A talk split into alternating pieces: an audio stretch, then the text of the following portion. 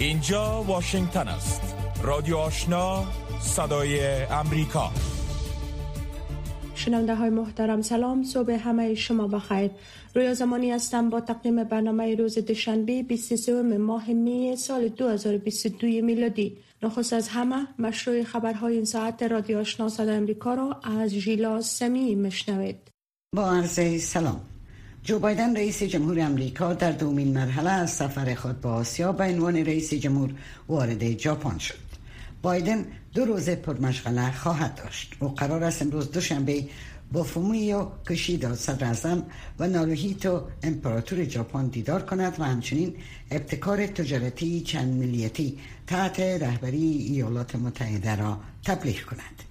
او روز سه شنبه به رهبران هند، استرالیا و ژاپن برای اجلاس سران گروه چهار خواهد پیوست. بایدن پس از گذراندن دو روز در کره جنوبی در پایگاهی هوایی یوکاتا در خارج از توکیو فرود آمد. سفری که بر تعهد اقتصادی ایالات متحده و منطقه تاکید می کند کیم جنگ اون دیکتاتور کره شمالی آزمایش را در زمانی که بایدن در کشور همسایه کره جنوبی بود منفجر نکرد. اما مقامات ایالات متحده هنوز در مورد آنچه ممکن است اتفاق بیفتد در تاریکی هستند. جک سالمن مشاور امنیت ملی بایدن در مسیر توکیو به خبرنگاران گفت در زمانی که در کره جنوبی بودند برای هر گونه احتمال آماده بودند. زمانی که در ژاپن هستند برای هر گونه احتمال آماده هستند. او گفت اگر کره شمالی دست به اقدام بزند آماده پاسخگویی خواهند بود. در این حال بایدن و دستیارانش ثبات و رشد بلند مدت اقتصاد امریکا بزرگترین اقتصاد جهان را در مواجهه با افزایش 14 قیمت مصرف کننده در ایالات متحده و اختلالات زنجیره‌ای تامین در تجارت جهانی ترویج می کنند.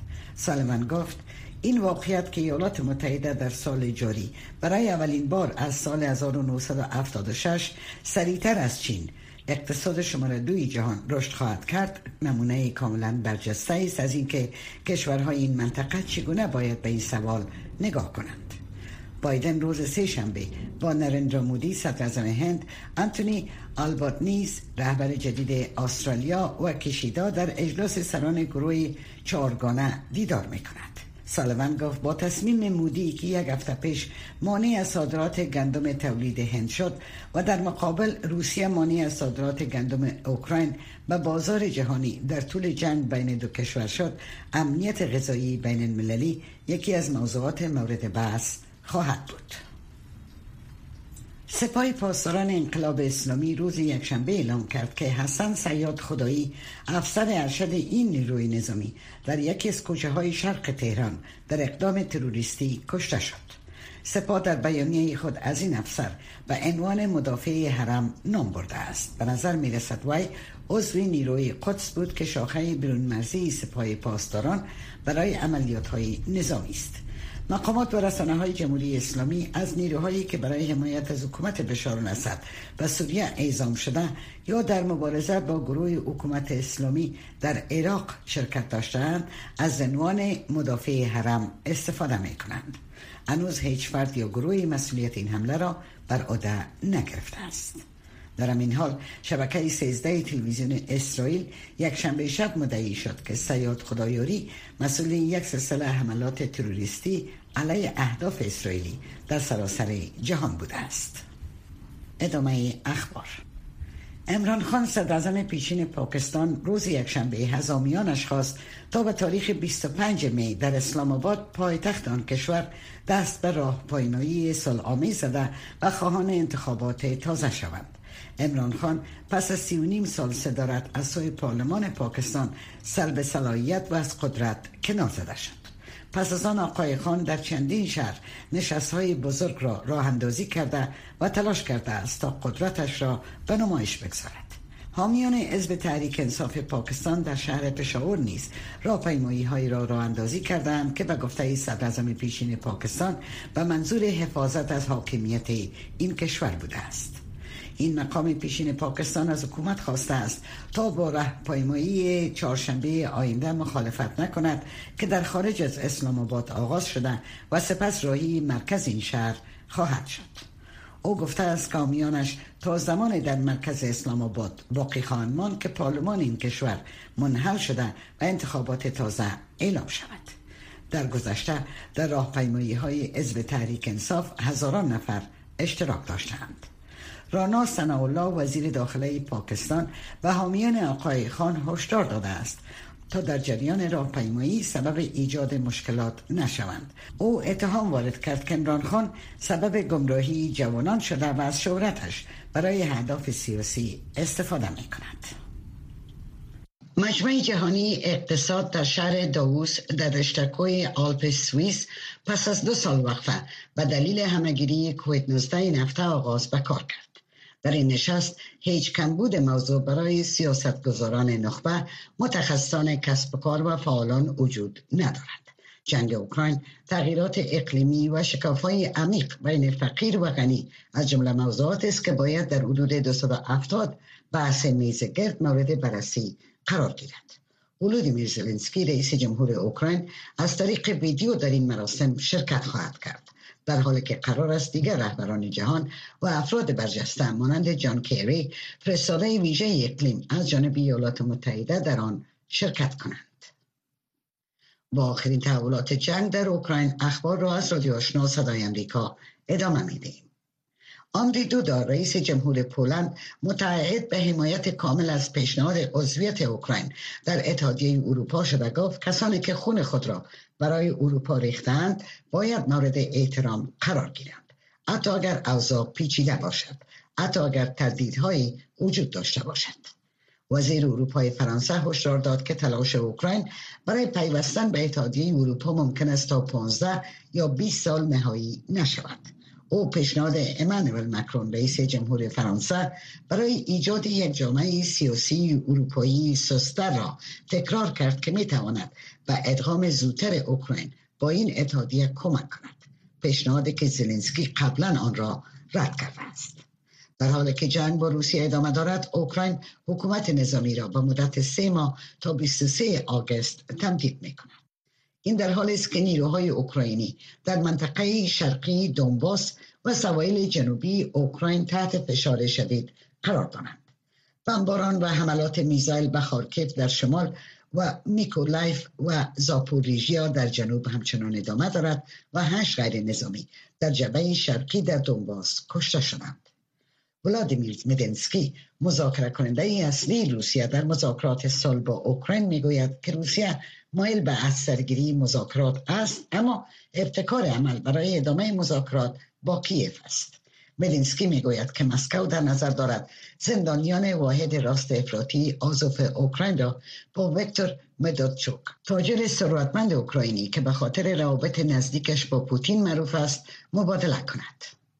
و پلیس نایجریا روز یکشنبه اعلام کرد که سر بریده یک قانونگذار ایالتی را که هفته گذشته در ایالت آنامبرا در جنوب شرق این کشور ناپدید شد پیدا کردند این ساحه جایی است که دولت جدایی طلبان را به انجام سلسله قتل ها و آدم ها متهم می کند. جنوب شرق نایجریا زادگاه گروه قومی ایگوبو برای جدایی از بقیه نایجریا تلاش می کند و گروه ممنوعیه بومی بیافارا این فراخانها را رهبری می کند. توچوکو ایکناگا سخنگوی پلیس ایالت آنامبرا گفت که اوکچوکوکو اوکویا یک قانونگذار در مجلس ایالت آنامبرا و همکارش در پانزده ماه ناپدید شدند.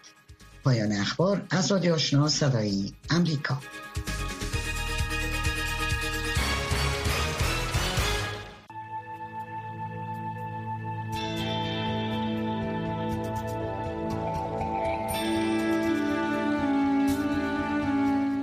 صبح را با رادیو آشنا آغاز کنید.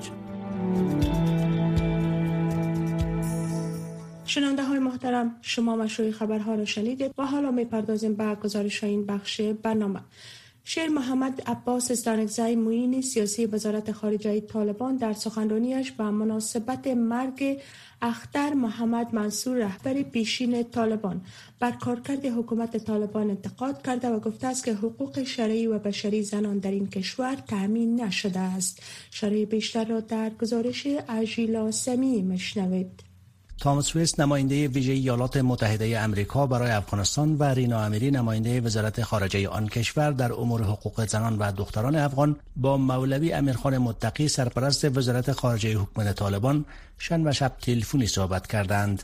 آقای وست گفته است که در این گفتگو پیام واحد جامعه جهانی را در قبال عملکرد حکومت طالبان به سرپرست وزارت خارجه طالبان بیان کرده است. نماینده ویژه ایالات متحده برای افغانستان در توییترش نگاشته است. مخالفت واحد بین المللی را با محدودیت های مدام و در حال گسترش بر حقوق و نقش زنان و دختران در جامعه منتقل کردم.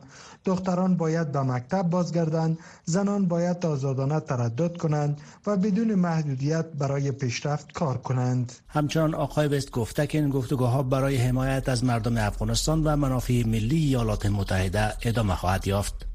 رینا آمیری نماینده وزارت خارجه ایالات متحده در امور حقوق زنان و دختران افغان در توییترش گفته است که نگرانی‌هایش را در مورد انحلال نهادهای دولتی توسط طالبان و ویژه کمیسیون حقوق بشر با آقای متقی شریک کرده و گفته است که انحلال این نهادها با خواسته های شهروندان افغانستان در تناقض است و باید اصلاح شود. در پاسخ به این اظهارات مقام های امریکایی امیرخان متقی سرپرست وزارت خارجه حکومت طالبان گفته است که زنان در بخش های معارف، صحت، پاسپورت و برخی دیگر بخش ها فعالیت می کنند و زنان با فرمانی که در مورد حجاب نیز صادر شده مشکل ندارند. حافظ یا احمد تکل معاون سخنگوی وزارت خارجه طالبان در مورد نتایج این نشست گفت در فرجام دو جانب توافق کردند که به تعامل ادامه خواهند داد و برای حل مشکلات موجود از تحمل کار گرفته می شود تا برای همه مشکلات راه بیرون رفت پیدا شود. این در حال است که رینا امری گفته است که احیای حقوق زنان و دختران افغان و حمایت از جمعیت آسیب پذیر برای هر گونه پیشرفت با طالبان لازم است. رضا قاسمی کارشناس امور صلح و روابط بین الملل با اشاره به کشتارهای هدفمند در برخی مناطق افغانستان گفت که متاسفانه هنوز هم ایالات متحده دیپلماسی نرم را با طالبان در پیش گرفته است. آقای قاسمی افزود که ایالات متحده بر اساس منافع ملی امریکا و تا زمانی که از خاک افغانستان تهدید متوجه آن کشور نشود و دیپلماسی نرم خود با طالبان ادامه خواهد داد. خلاصه کلام این که در صورت بازگشایی مکاتب و کاهش محدودیت ها بر زنان افغانستان ادامه کشتارهای گسترده و کوچ اجباری که سوی طالبا بر بخش عمده مردم افغانستان تحمیل شده و می شود ربط و تهدید به منافع ملی امریکا نداره و امریکا می‌تونه رابط نرمال با طالبان داشته باشه. اما ویس ناصری کارشناس سیاسی به صدای امریکا گفت در شرایطی که طالبان سیاست سرکوبگرایانه و اعمال فشار را بر شهروندان افغان به ویژه زنان در پیش گرفتند موقف جامعه جهانی را که تامس وست بیان کرده اقدام موثر است. و گفته آقای ناصری طی بیش از نو ماه گذشته ثابت شد که هیچ کشور در جهان حاضر نیست که حکومت تک قومی طالبان با اندیشه های تندروانه و بسته را به رسمیت بشناسد. این موقف می‌تونه بسیار موثر باشه. به دلیل از اینکه طالب ها متوجه میشن که در هیچ کشور جهان و در هیچ نهاد بین‌المللی اینا آمی ندارن و هیچ کسی از مواقف و عملکرد طالب ها و شیوه حکومت و نظام و حاکمیت از اینا پشتیبانی نمی‌کنه حمایت نمی‌کنه. نو ماه از مسلط شدن طالبان بر افغانستان میگذرد اما هنوز هیچ کشور حکومت این گروه را به رسمیت نشناخته است. کارشناسان به این نظرند که طالبان با ایجاد حکومت همه شمول احترام به حقوق بشر به ویژه حقوق زنان و اقلیت ها و همچنان قطع روابط با گروه های تروریستی می توانند که راه را برای برسمیت شناختن حکومتشان باز کنند. رادیو آشنا صدای امریکا منبع موثق خبرها و گزارش های جهان و افغانستان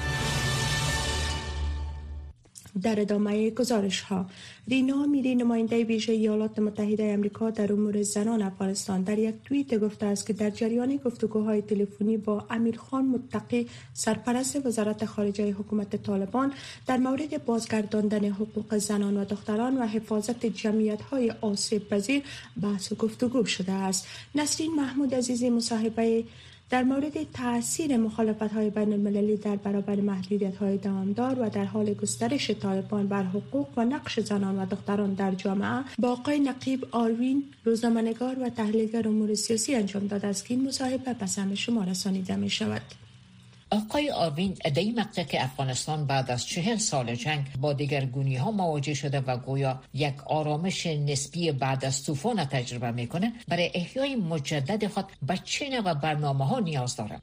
یقینا هم مردم افغانستان در داخل که خسته از جنگ و مشکلات قبلی هستند و هم جامعه جهانی می‌خواه که نسبت به افغانستان یک اطمینان امنیتی و عمومی اجتماعی داشته باشه و در آغاز تغییری که در افغانستان آمده توقع بیشتر می‌رفت تا حاکمیت جدید بتوانه یک احیای دوباره داشته باشه هم از امنیت هم از مسائل اقتصادی هم از مسائل آموزشی و اجتماعی. خواسته های عمومی که در افغانستان امروز شکل گرفته بعد مخصوصا بعد از 20 سال اخیر که جهان امریکا کشورهای مختلف خود جامعه افغانستان در دستاوردها شریک بودن. دستاوردهای اجتماعی و آموزشی و تعلیمی و اقتصادی بود. و اینا توقع عمومی است که نه تنها باید حفظ می‌شد بلکه باید گسترش داده می‌شد. در هشت ماه گذشته ما و شما هنوز شاهد مشکلاتی هستیم که همین مشکلات منتج به این شده که هم در داخل جامعه افغانستان به لحاظ سیاسی یک اجماع یک حمایت قوی از حکومت وجود نداشته باشه و هم در سطح منطقه و کشورهای جهان هنوز با یک کشور به رسمیت نپذیرفته مواجه باشند برنامه اول طالبا بعد از تسلطشان بر افغانستان وضع محدودیت های بیشتر بر جامعه مدنی مخصوصا بر زنها و دخترها بوده این مسئله نزد شما چه توجیه داره؟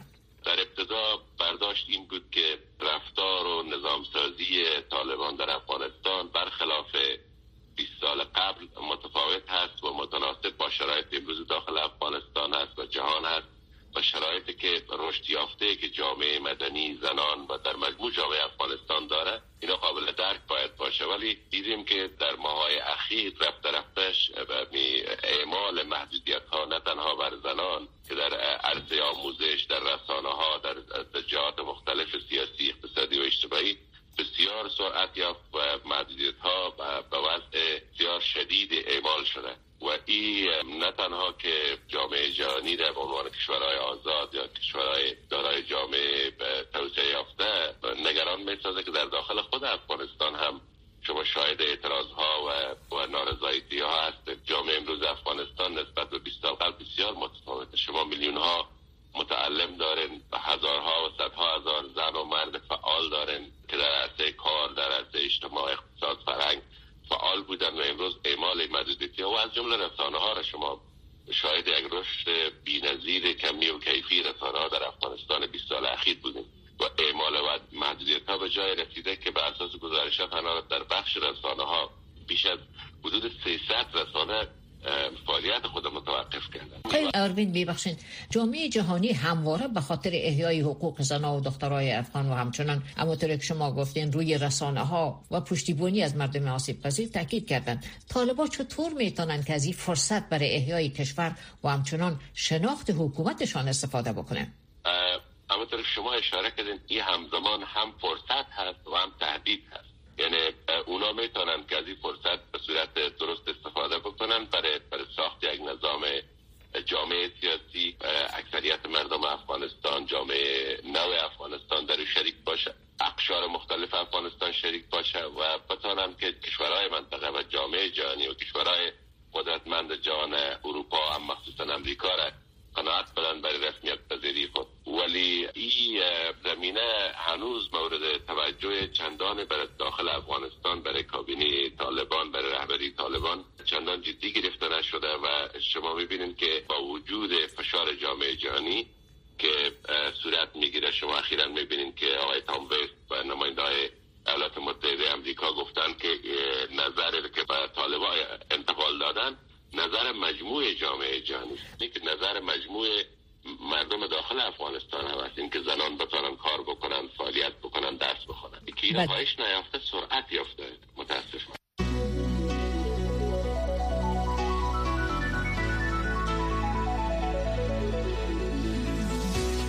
صدای امریکا در فیسبوک. facebook.com slash voa دری.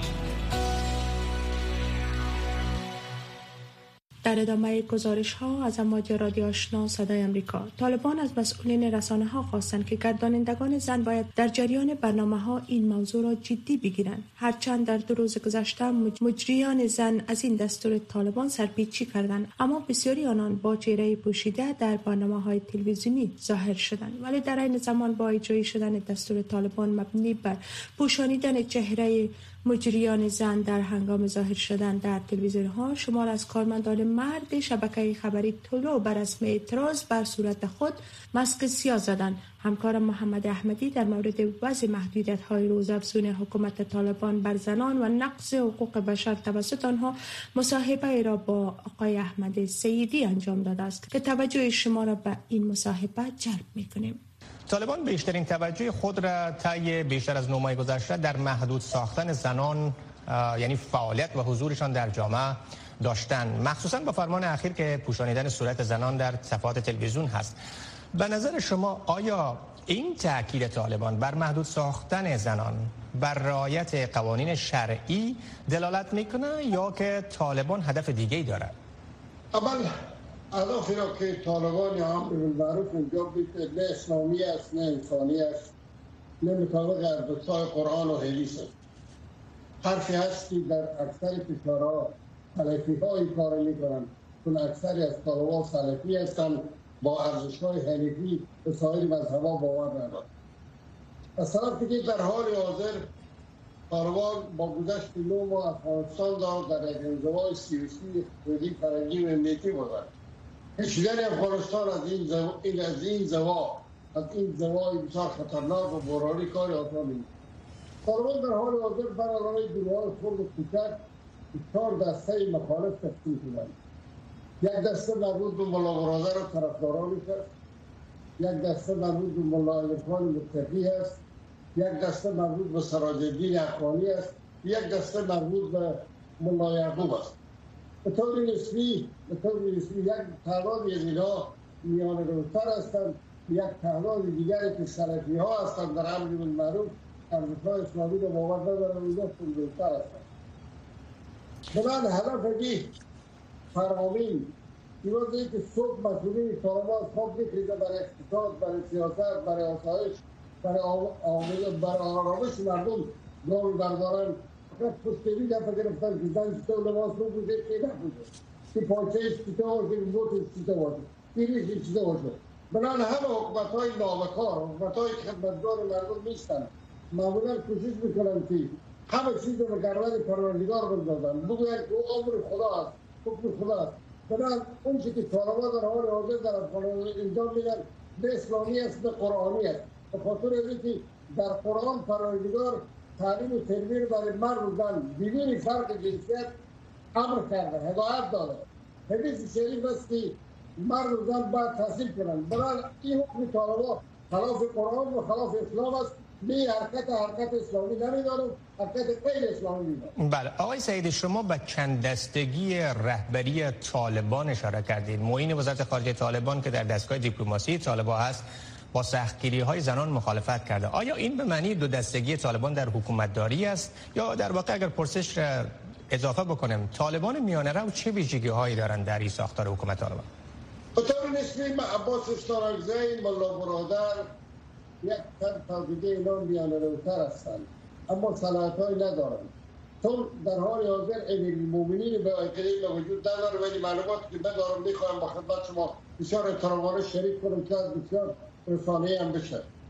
به زودی شما خواهد کنید به زودی که فرمانی از آدرس امیر صادر میشه که به تمام صلاحیت های خود را تمام قدرت خود را اون که به قانون و اصول اسلام صلاحیت داده یک کمیته هفت نفری یا نو واگذار میشه نه دیگه وجود ندارم و امیر برای همیش مخفی میشه خب نماینده خاص امریکا با وزیر خارجه طالبان به بیشتر در مورد قیوداتی که اونها بر زنان داشتن صحبت کرده. فکر می‌کنین این نوع دسته از صحبت ها چقدر بر تغییر رفتار و تصمیم طالبان به ویژه بر روی زنان می‌تونه تأثیر گذار باشه؟ اگر شما آزرده نشد من علاقه ندارم به گپ امریکایی و حقوق بشر گپ دارم چون گپ های دینا بسیار بیمعنا و کوچ و بیمعنا است طالبان و نسیت های پدرانه نمانده امریکا نسیت های پدرانه خانم امیری و حقوق بشر نه اعتنای دارن نه ارزش می‌کنن آقای کرزی اونچه که از طالبا حمایت کرده جزای اموال خود را دیده که را اجازه ندادن که تا به امارات سفر کنه. برای آقای کرده که به ارتباط زنها حرفی گفته حرفی درست گفته با مورد تعیین ما است. اما یک چیز شما جدارستای عزیز آقای احمدی و جدارستای دیگه نمی‌خوام که چرا؟ شما نمیگوارن ادارات معلوم الحالی که با شما کار می‌کنن چرا حقیقت شما نمیگید؟ حقیقتی هستی. طالب وقتی که کمیسیون قانون سازی تو لغو کرده. کمیسیون نظارت بر قانون سازی تو لغو کرده. فرمانده تو لغو می‌کنه. دارمسای اروسی دیگه تو رو لغو کرده. شورای ملی تو رو لغو به یک قانون سازی تو رو لغو کرده. تو اروسی تو رو خود تمام پس ها فرمانده هم لغو میشه. بنام کسی که به قانون سازی باور نداشته باشه به انتخابات باور نداشته باشه. ارزش اسلامی انسانی باور نداشته باشه. اروسی تو رو خود چی می‌خواهی بنام هر حمایتی که اگر نماینده امریکا میشه اگر خانم امیلی میشه اگر صلاحیت و قوت اجرایی نداشته باشه به اندازه پوسته پیاز ارزش نداره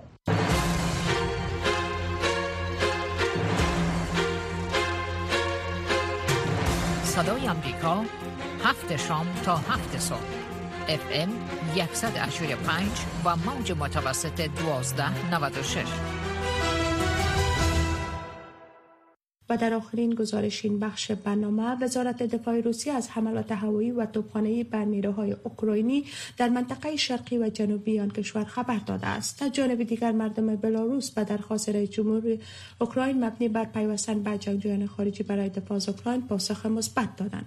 ولادیمیر زلنسکی رئیس جمهور اوکراین روز سهشنبه وضعیت در دنباس را فوقالعاده مشکل توصیف کرد و گفت که اردوی روسیه به حملات تهاجمیشان در آنجا ادامه داده است. شرح بیشتر در این مورد از نجیب خلیل مشنوید ولودیمیر زلنسکی رئیس جمهور اوکراین در حالی که وضعیت دانباس را بسیار مشکل خواند و ادامه حملات اردوی روسیه بر آن مناطق را تایید کرد افزود که اردوی اوکراین هر روز جلو آن حملات را می‌گیرند. وضعیت در دونباس بسیار دشوار است. اردوی روسیه مانند روزهای گذشته در تلاش برای حمله به سلوویانسک و سرودونتسک است. نیروهای مسلح اوکراین هر روز این حمله را مهار می کنند. مدافعان ما این طرحهای تهاجمی روسیه را دفع می کنند. از جانب دیگر وزارت دفاع روسیه امروز یکشنبه گفت که روسیه نیروهای اوکراینی را با حملات هوایی و توپخانه‌ای در شرق و جنوب هدف قرار داد و مراکز فرماندهی، نیروها و انبارهای مهم را هدف قرار داد.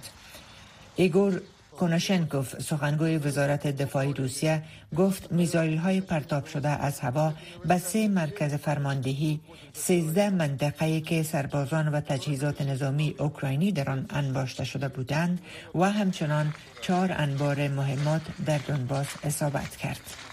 این در حال است که مردم بلاروس به درخواست ولادیمیر زلنسکی مبنی بر رفتن جنگجویان خارجی به اوکراین و پیوستن به گروه بزرگ بین المللی دفاع از اراضی اوکراین پاسخ دادند. زمانی که جنگ اوکراین در نهایت به پایان برسد جنگ ما تازه شروع خواهد شد. آزاد کردن کشور بلاروس بدون بیرون راندن نیروهای فاشیست پوتین از اوکراین غیر ممکن است. برای بلاروس ها که اوکراینی ها را ملت برادر می دانند خطر زیاد موجود است. نیروهای روسیه در اوایل جنگ از خاک بلاروس برای حمله به اوکراین استفاده کردند و الکساندر لوکاشنکو رئیس جمهور بلاروس علنا در کنار متحد دیرینه ولادیمیر پوتین رئیس جمهور روسیه ایستاده و او را برادر بزرگ خود توصیف کرد. روسیه میلیاردها دلار را برای تقویت اقتصاد بلاروس تحت کنترل حکومت لوکاشنکو که شامل انرژی ارزان و قرضه ها می باشد کمک کرده است. صدای امریکا رادیو آشنا 100.5 FM